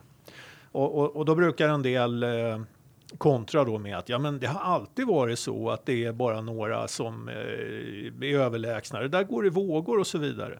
Det problemet som jag ser nu det är ju att det här kommer inte att gå i vågor därför att vi har just de här blocken. Och det är det, alltså Ferrari och Mercedes, eh, kanske även Renault i slutändan. Red Bull har redan, eh, vad ska man säga, maktrelationen klar mellan sig och Toro Rosso. Eh, inga av de här teamen som befinner sig under de här kommer ju liksom att få sticka upp. Och det kommer att bli mycket svårare i framtiden att, att, att ens närma sig. Och, och, och, och de här stora aktörerna har sån jävla makt över de här mindre teamen och över sporten. Eh, att eh, de kommer naturligtvis inte att släppa på det. Och, och, och, och det är ju inte så att det... Eh, vi, vi, kan heller inte klandra dem för det. Därför att så här ser spelplanen ut i Formel 1 och den skapades för ett antal år sedan eh, med, av, av Bernie Ecclestone, Max Mosley, Fia och eh, de stora teamen på den tiden. Eh, och, och, då såg man naturligtvis kanske inte faran i den här utvecklingen. Men eh, jag, jag ser nog inte att, att eh, jag ser nog ingen ljusning faktiskt, utan jag, jag, jag, tror att det kommer att bli ett DTM, precis som du mm. säger. Det, det, jag förstår inte hur det skulle kunna bli på något annat sätt. Liberty har ingenting att sätta emot de här. Ni är så jäkla spelarna. negativa. Jag förstår inte. Nej, men eh, självklart så håller jag med till viss del också om att eh, det är, ser ju inte jätteljust ut. Men jag vet inte, det har ju pratats med kostnadstak eh, tidigare också. Bernie lovade väl att införa ett kostnadstak. Då kom eh, tre stall helt plötsligt rätt på griden direkt.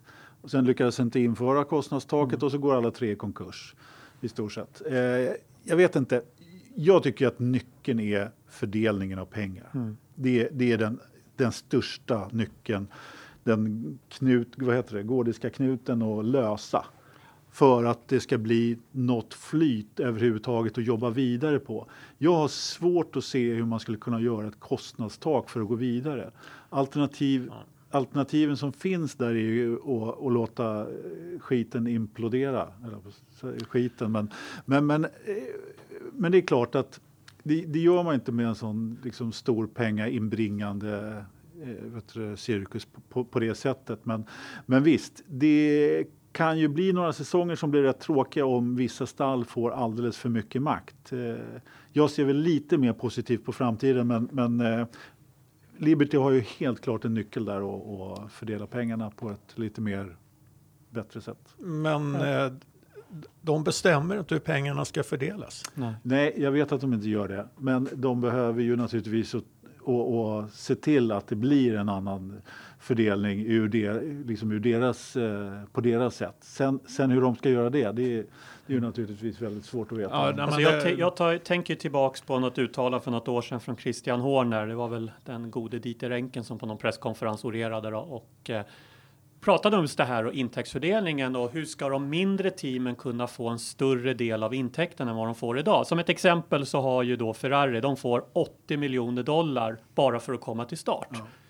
Om de är sist, inte ens kör en meter, de har ändå 80 miljoner dollar. Vad har Force India som kom fyra förra året? De kommer totalt att få 52 miljoner dollar för att komma fyra i konstruktörsmästerskapet.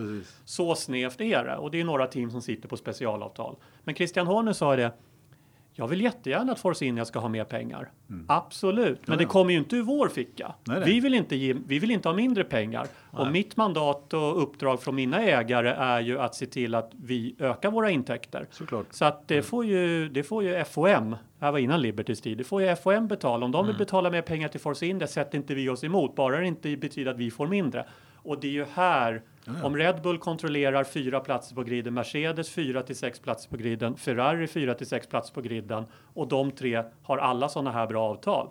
Och de säger till Liberty jättegärna, men då är inte vi med. Om du sänker våra pengar, ni får hitta dem ur er egen ficka.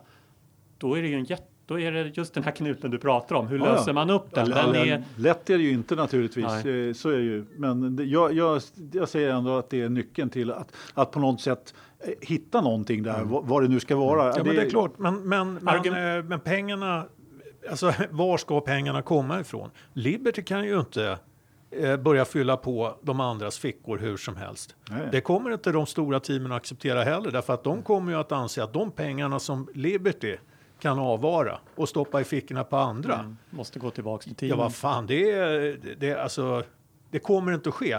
Sen Och- har ju, och- ska jag tänka på, Liberty har ju köpt Formel 1 och finansierat det Ja. med lån, om det är från finansiella institutioner eller om det är inom den egna koncernen. Men vi såg nu senast att F1s intäkter sjunker. En, anledning, en av anledningarna till att de sjunker, inte bara fallande intäkter, det är att de betalar tillbaks på de lånen de behövde ta för att köpa F1. Ja. Så det, det finns också en mindre pengapott att röra sig med.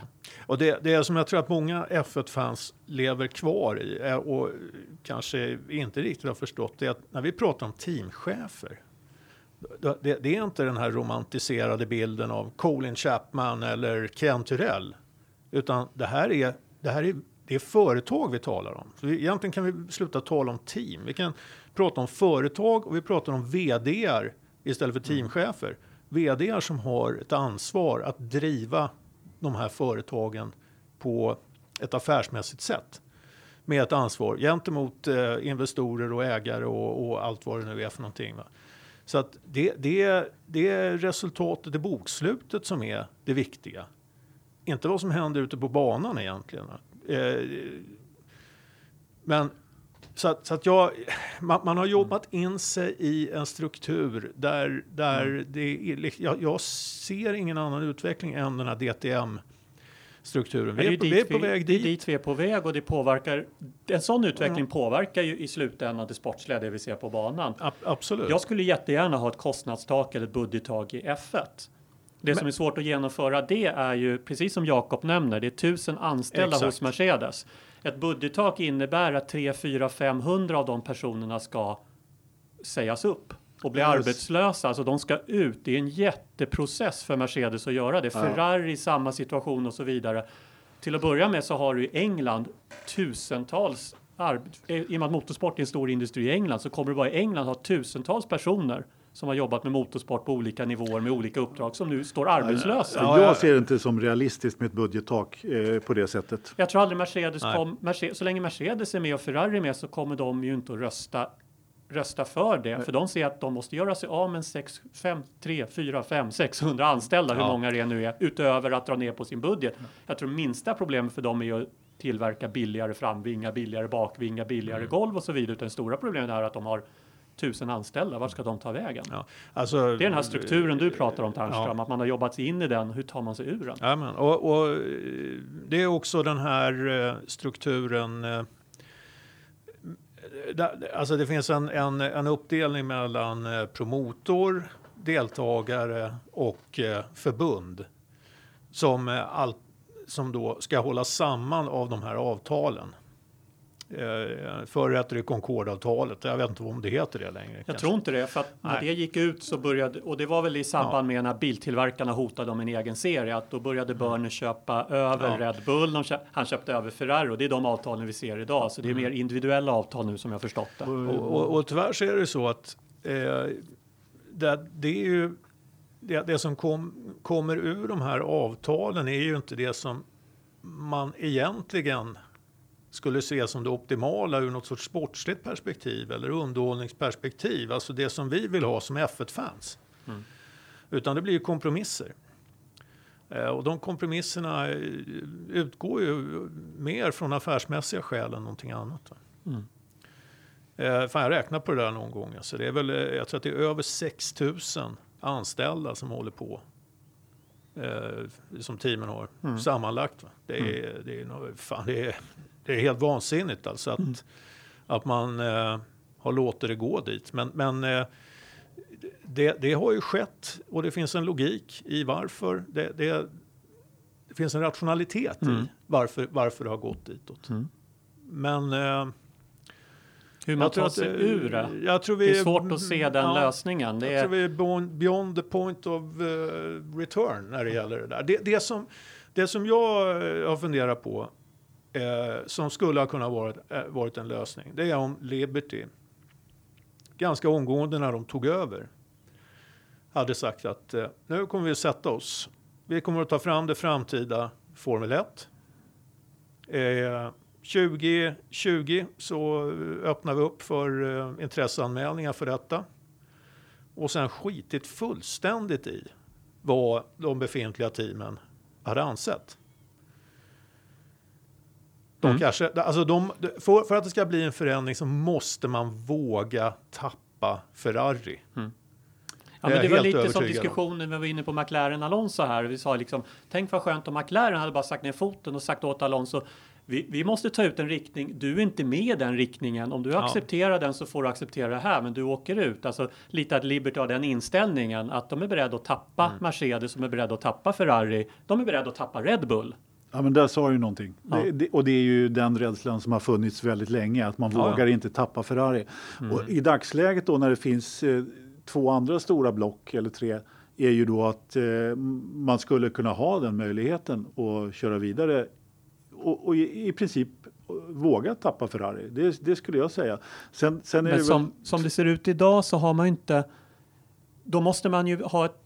Om vi säger, om vi leker med tanken att man kastar ut Ferrari eller tappar Ferrari och tappar Mercedes. Ja, men- Då sitter du med ett reglemente. Okej, det går ju att ändra då, men du sitter med väldigt svaga team. Så Nej, att nej, som men- kanske inte överlever mer än 12 månader åt gången. Nej, men det, det var nog inte tanken. Nej. Inte, inte, inte som jag förstod att, att tappa Ferrari, utan just att våga tappa Ferrari. Ja, det är precis. det. Därför att Ferrari har ju mer att förlo- förlora eh, egentligen än vad Formel 1 har. På det Ja, men det är som vilket pokerparti som helst. Förr eller senare måste man syna den andres hand. Och det kommer ju till en punkt där Mercedes, eller vad säger jag, Formel 1, Liberty, måste Ja. syna Mercedes, Red Bulls och Ferraris händer. Mm. Och säga, ni får säga vad ni vill, men det är vi som äger sporten och det här, är- det här är det vi vill göra av den. Ja, men, men tyvärr så tror jag att eh, Liberty var lite för senfärdiga. Eh, för det, det jag tror har hänt sedan dess, och det är ju det som, som eh, eh, utgör motivet för Ferrari att eh, kliva in i, i, eh, i Sauber eh, genom Alfa Romeo till exempel. Så det, det är ju att de här, alltså teamen har ju stärkt sin eh, position, sin maktposition. Och jag kan inte se att Liberty har ett enda vapen i en förhandling mot teamen. Vad skulle de kunna eh, eh, lägga mot teamen? Liksom? Det, det är, så, länge, så länge tillräckligt många av teamen är överens så, så har Liberty inte ett smack att eh, säga till om i de här förhandlingarna. Nej. Det, alltså det enda de har som ingen annan ägare i Formel 1 har haft och hittills inte de har haft heller. Det är just den här bluffhandeln och spela ut att vi kan leva med ett F1 utan Ferrari. Alltså våg, som, som, som du sa Anders, våga tappa Ferrari. Det behöver inte betyda att man tappar Ferrari, men det är ju det kortet Liberty har. Att inte förhandla på de teamens villkor utan säga det här är läget. Men det är ju en jättechansning för Liberty att göra det, för går inte det hem då har vi ju ett F1 i nivå med Formel 2, alltså då har man försvagat och de har köpt F1 för stora pengar. Kommer tv-bolagen, du måste ha tv-bolagen med dig, du måste ha med promoterna, det vill säga de två Ja. stora intäktskällorna för F1 idag är ju Ja. tv-intäkterna och, och banarrangörer eller racearrangörerna. Om de säger vi betalar inte de här pengarna för ett F1 utan Ferrari, utan Mercedes med. Kan det vara så att Liberty kanske väntar på att den där tv-pengen ska överföras till deras egen kassa? Att eh, de avtalen som de har skrivit idag, ja visst, det är fortfarande stora pengar, men eh, ju längre tiden går, ju mer kommer de att ta bort den där mellanhanden och få in de här pengarna i kassan själva. Jo, men de, har ju, de lanserade ju någon tjänst där till exempel. Ja. Eh, Men eh, alltså man, man tittar på... Det, det, ja, jag, vet inte hur, hur eh, stora intäkterna är. Den stora knäckfrågan egentligen för Liberty det är hur stora kostnader har de för att driva sin verksamhet? Alltså den investeringen de har gjort, den, eh, den skulle kunna... Eh, alltså, ibland tänker jag nästan att i det läget, men då måste de ha internationella bilsportförbundet på sin sida. Eh, och eh, våga riskera att faktiskt till och med inte driva ett mästerskap under ett år eller två år. Att, att helt enkelt ta kontrollen över det här, säga liksom att nej, fan, eh, så här ska Formel 1 se ut. Vill inte ni vara med och inga andra heller, nej, då, då lyfter vi upp F2. Då kör vi det som huvudklass ett år. Man kommer naturligtvis inte ha några intäkter eller någonting, men det man skulle vinna skulle vara kontrollen över vad som ska vara Formel 1. Det är det man måste, måste komma åt Mm. på något sätt. Men då, Och- sit, då sitter, riskerar ju Liberty att sitta med någonting som är värt en bråkdel av vad de köpte det för när de köpte det när priset stod Ja. på topp. Och Här- det är ju en tuff kul. Men- det är något tufft Ja. nöt att. Men här gäller, här gäller det ju att, att, att se det här på sikt. På lång, lång sikt alltså. Mm. För att man skulle vara tvungen att behöva bygga upp någonting från grunden igen. Faktiskt. Men, eh, Jag tror inte att det är det som därför Liberty har köpt Formel 1. Men eh, det är klart att verkligen eh, griner de ju i ansiktet nu. Så att, eh, men, Mm. ja, eh, ja, det Jag tror Alltså, att det, det jag- jag, kan säga bara så här, eh, bara lite kort att det, det jag kan tycka är att det skulle nog vara värre att inte köra ett år än att tappa Ferrari. Det, det, om man tar pest eller kolera så här. Då tror jag att det är betydligt viktigare att sätta ett, en, en annan spelplan Det håller jag med. Ja. och få in x antal Visst. team och kommer inte Ferrari det, med så det, är inte, det är inte önskvärt. nej. Det är absolut inte önskvärt. Men man, man måste våga. Ja, Man, ja, det, måste våga, jag. man måste våga tappa hela produkten un, under ett år.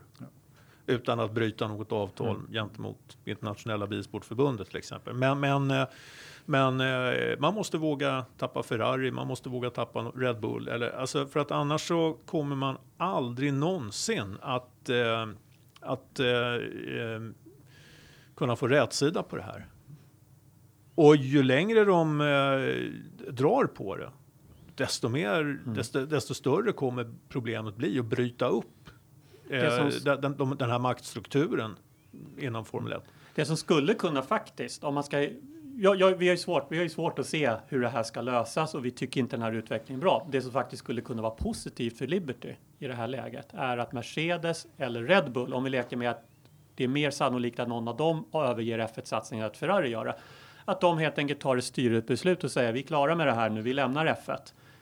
Det skulle ju alla bli förfasade över och vilket katastrofbeslut. Vi tappar Mercedes, vi tappar Red Bull i Formel 1. Men det skulle kunna öppna upp för Absolut. Liberty Oh, ja. att göra de här förändringarna som behövs. För den enda som är kvar då, om vi leker med att Ferrari aldrig överger F1, om vi leker med den tanken, för det har de inte gjort hittills, är att Ferrari sitter helt plötsligt de är inte gagnade av att vara totalt överlägsna alla andra. Så de har inget val än att gå med på de förändringarna som Liberty inför. För att inte vara vinnare i en sport ingen bryr sig De om. kan ju fortfarande vara något förfördelade. Det kan de absolut vara, men helt plötsligt spricker de här maktblocken upp och Liberty kan genomföra sina förändringar för två, en eller två av de stora spelarna har valt att lägga ut. Jag tror att Mercedes och Red Bulls avsked från F1 är ju bara ett styrelsebeslut bort. Matisic kan tappa kärleken till F1. Det ryktas om Oh, att ja. han redan börjar tappa intresset för F1 nu och är det värt att hålla på med det här? Och Mercedes är ju bara ett styrelsebeslut bort från att göra det. Ja, han är ju inte purung heller. Så att, Nej. Eh, så att Nej, nej, och, det kan spela. Ska jag vi menar- avsluta med något positivt så kan det faktiskt spela Liberty i händerna. Ja. Något av de här två företagen säger. Men det- det krävs nästan att det är båda två. Ja, Det men krävs om- definitivt att Mercedes är ett av dem. ja, Mercedes, eh, det håller jag med om Ja. också. Om Red Bull lämnar så har du fortfarande ett Mercedes-Ferrari-block och de kommer aldrig gå med på förändringar. Men om Mercedes tar ett styrelsebeslut imorgon att nu får det räcka. Japp. Till 2021 är vi Ja, inte med längre. Ja, men vi kanske Där bara, det öppning. kanske bara är, är en Red Bull för mycket för Mateschitz bort från att Red Bull skulle kunna fatta ett annat beslut också. Mm. Så F1 är ju väldigt skört. Mm. Det, det kan man ju konstatera. Mm.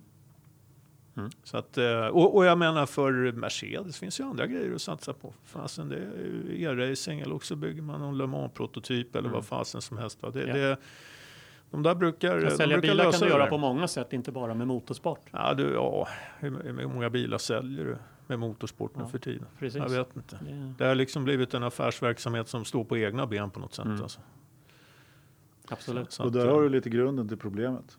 Ja, Mm. ja men alltså kostnaderna eh, går ju inte att räkna hem så att Nej. säga ur, ur någon sorts marknadsföringsperspektiv. Nej. Inte om man inte heter. Ferrari. Nej. Så Ja. Att, eh, ja. Ja, men det är där vi landar i det, Ja. känns det väl som. Ehm, det är väl så. Ja. Ehm, Jakob nämnde något om konstruktörer som ska tävla. Men om vi tar Formel E som ett exempel. Jag tänkte på det när han sa det om konstruktörer så började ju Formel E som ett enhets, ganska mycket ett Ja. enhetsmästerskap. Ja. Sen har man släppt upp utvecklingen mer och mer av att tillverka, teamen får tillverka fler och fler delar. Biltillverkarna har strömmat dit och nu börjar vi se en utveckling i Formel E där de Ja, här, de här oberoende Samma. konstruktörsteamen, Mahindra som Felix Rosenqvist kör för, de börjar redan halka efter nu för så, så jag, jag, en konst, Bara under säsongen nu har de halkat efter de här stallen Ja. som, som är Ja. Så det här oberoende. 60, 70, 80-talet, Formel 1, den tiden är nog förbi. Jag tror att antingen ser vi ett Formel 1 likt Indycar med späckdelar med vissa utvecklingsmöjligheter eller så är det helt enkelt att man gör någonting åt den nuvarande strukturen. Ja, nej men det, jag, jag håller helt med. Och, ehm, alltså om man inte kontrollerar bud, alltså budgeten är en sak. Men man skulle kunna möjligen kontrollera andra resurser. Vad, vad liksom, vilka material man får jobba med. Vad man, alltså man kan hålla nere kostnaderna på olika sätt genom att begränsa de rent tekniska möjligheterna att utveckla eh, bilar. Det tror jag är lättare än att så att säga försöka och, och med, med stora sådana här, eh, vad kallas de för de här firmorna som eh, kontrollerar bokföringar och annat. Ingen aning. Jag har aldrig- controllers. PVC och Ja, du, ja, revisorer du tänkte på med- rev- revisoren? Ja, precis. Nej, det, var, det är ju helt vansinnigt. jag kör alltså, allt svart ändå, så Ja, jag har ingen koll. Ja, det är bra. Ja. Ja, men det var, fan, det var en dyster avslutning på det här. Som Vadå avslutning? Vi, vi, Ja, vi är inte färdiga än. Nähä. Vad ska du prata om? Ja, vad vill du prata om? Vad vill du prata om Anders? Vad fan, vi har ju både väder och veckans Verstappen Ja, ja, det är det, precis. Det, Sen, att du har, slänga- sen att du har dömt ut Formel 1 med en sån här dystopisk ton, så här, Ja. det, det skriver inte jag under på. Det sa ju min inledning på min Ja, monolog. du vet ju, det här har jag pratat om sen, eh, Jo, ja, vad fan, sen 1990, ja men slutet av 90-talet. Ja, ja, jo, jag vet. Ja. Vi har utvecklingen på väg. Det, blir, det dystra blir ju att vi ser utvecklingen komma. Vi kan inte se utifrån ett fans perspektiv hur Liberty, som är de som sitter med taktpinnen, ska kunna lösa det. Nej. Men vi ser ju utvecklingen, men det finns ju möjligheter till att det kan ändras och det är ju svårt. Jag tror första intressanta, det blir vad som händer nu i förhandlingarna om 2021. Ja, det, det jag befarar, det jag skulle vara rädd för är ju att man kommer fram till, vilket jag tror kommer att ske också. Vi kör vidare med det reglementet vi har nu, men vi Ja. gör MGUH lite enklare. Vi gör den standardiserad. Vi lägger ut den på tänder och så har vi något basvinge och så vidare. Alltså man gör lite kompromisser i nuvarande. Mm. Då har man inte åstadkommit någonting. Nej, det kan vara svårt. Men det. Och det, jag menar, eh, då- då, är vi ytterligare några år in i, i egentligen samma lösning. Mm. Och då har vi ju sett hur jävla tufft det har varit för Honda och, och liksom komma ifatt. Ja. Och då, det, det är ju ingen som kommer att vara intresserad av att kliva på.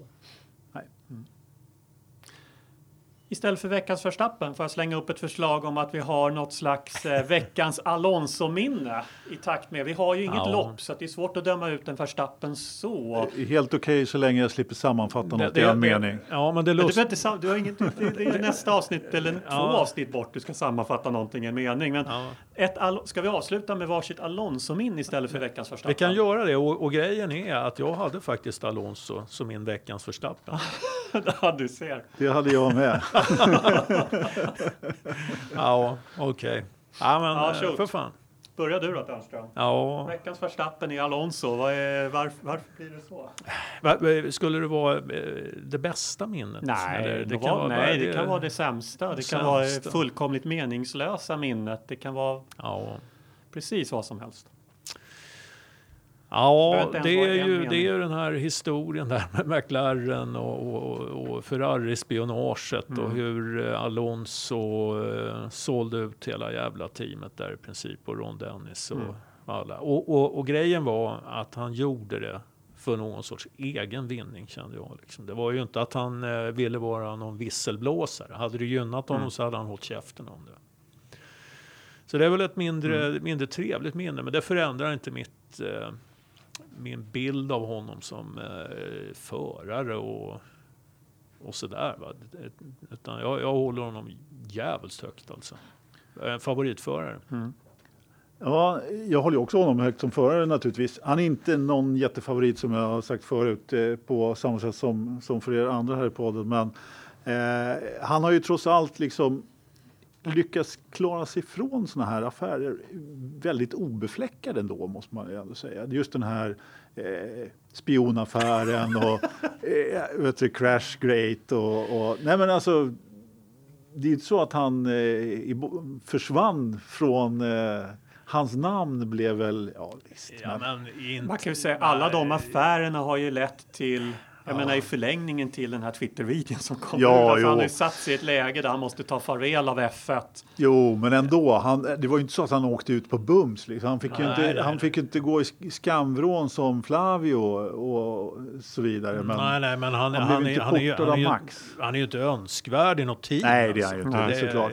Det är han kan vi inte. konstatera. Ja. Min, eh, mitt minne av Alonso är i alla fall eh, när han eh, stannar kvar. Nu har inte Jakob här fråga vilket lopp och vilket år, för jag kommer som vanligt inte ihåg det. Men det var ju Hamiltons debutår när han stannade i depån. Var det Ungern? Ungern. Ja, Ja, ja. som han gjorde det. Och eh, väntade några extra sekunder så att eh, Lewis inte kunde göra sitt sista försök. Va? Ja. Den, eh, Då är man... Inte riktigt åt det hållet, men det var ju vad Ricciardo och Verstappen höll på med i Österrike i år. Tänkte ni på det under kvalen? Jajamän. Det var Ricciardo som höll på med det lite Ja. grann. Det är inte riktigt lika utstuderat, Nej. men ja. Ja, den var snygg. Nej, jag kan ju inte släppa Spygate heller. Jag tycker nu är det dags att ni lägger alla äggen i min korg. Det är jag som ska vinna VM och så här ska ni göra det. Och gör ni inte det så skicka alla de här mejlen mellan mig och Pedro de la Rosa till Max Mosley. Alltså den är ju, det är svårt att släppa den som något bestående minne. Nej, och jag, jag tror ju lite grann att det är så här. Alltså det finns hur mycket såna här jävla eh, hållhakar som helst i depån. Men att det finns ju någon sorts oskriven lag. Liksom, att fan, vi, vi, nå, någonstans går ju gränserna. Mm.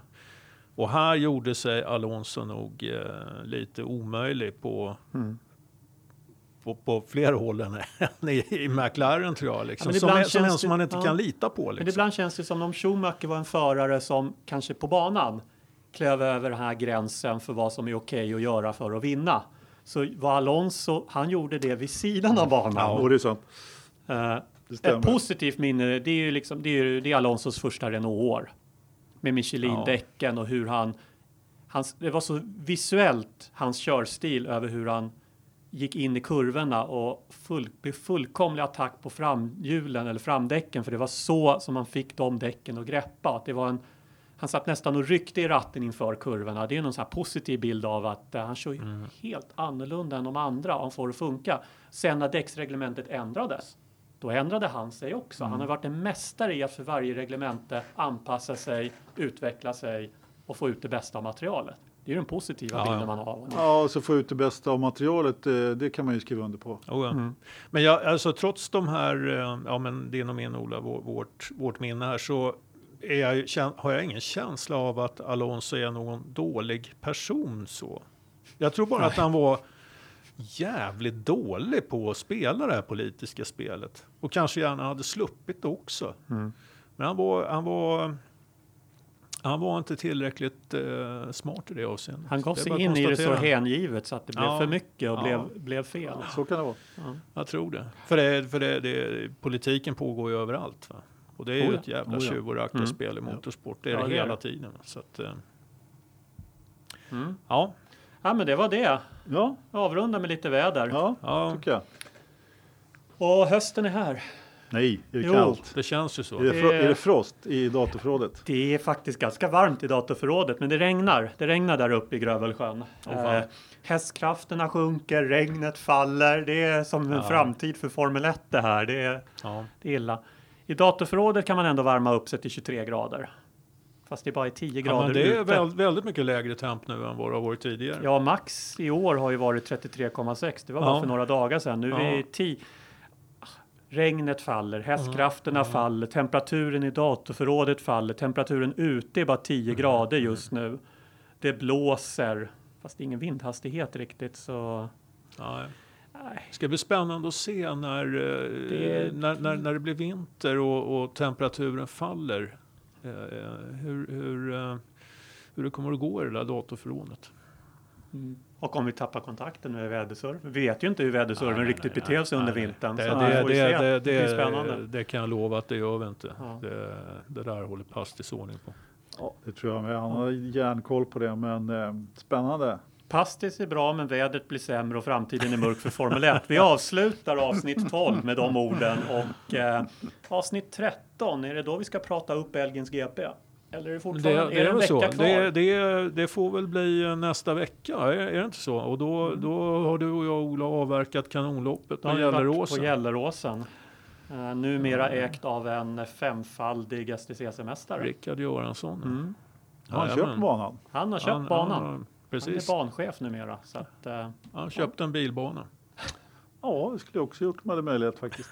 Så att det kan man ju inte klandra honom för. nej. Ja, kan få köpa min. Jag har en Scalextric som bara står. Ja, kanske det. Ja. Man vet aldrig. Jag har två, men Åh fan. en tredje skulle inte skada. Ja, precis. nej, men vi avslutar där. Ja, Tack vi. för att ni står ut med oss. Ja, men, tack, tack. Tack, Hej. hej då.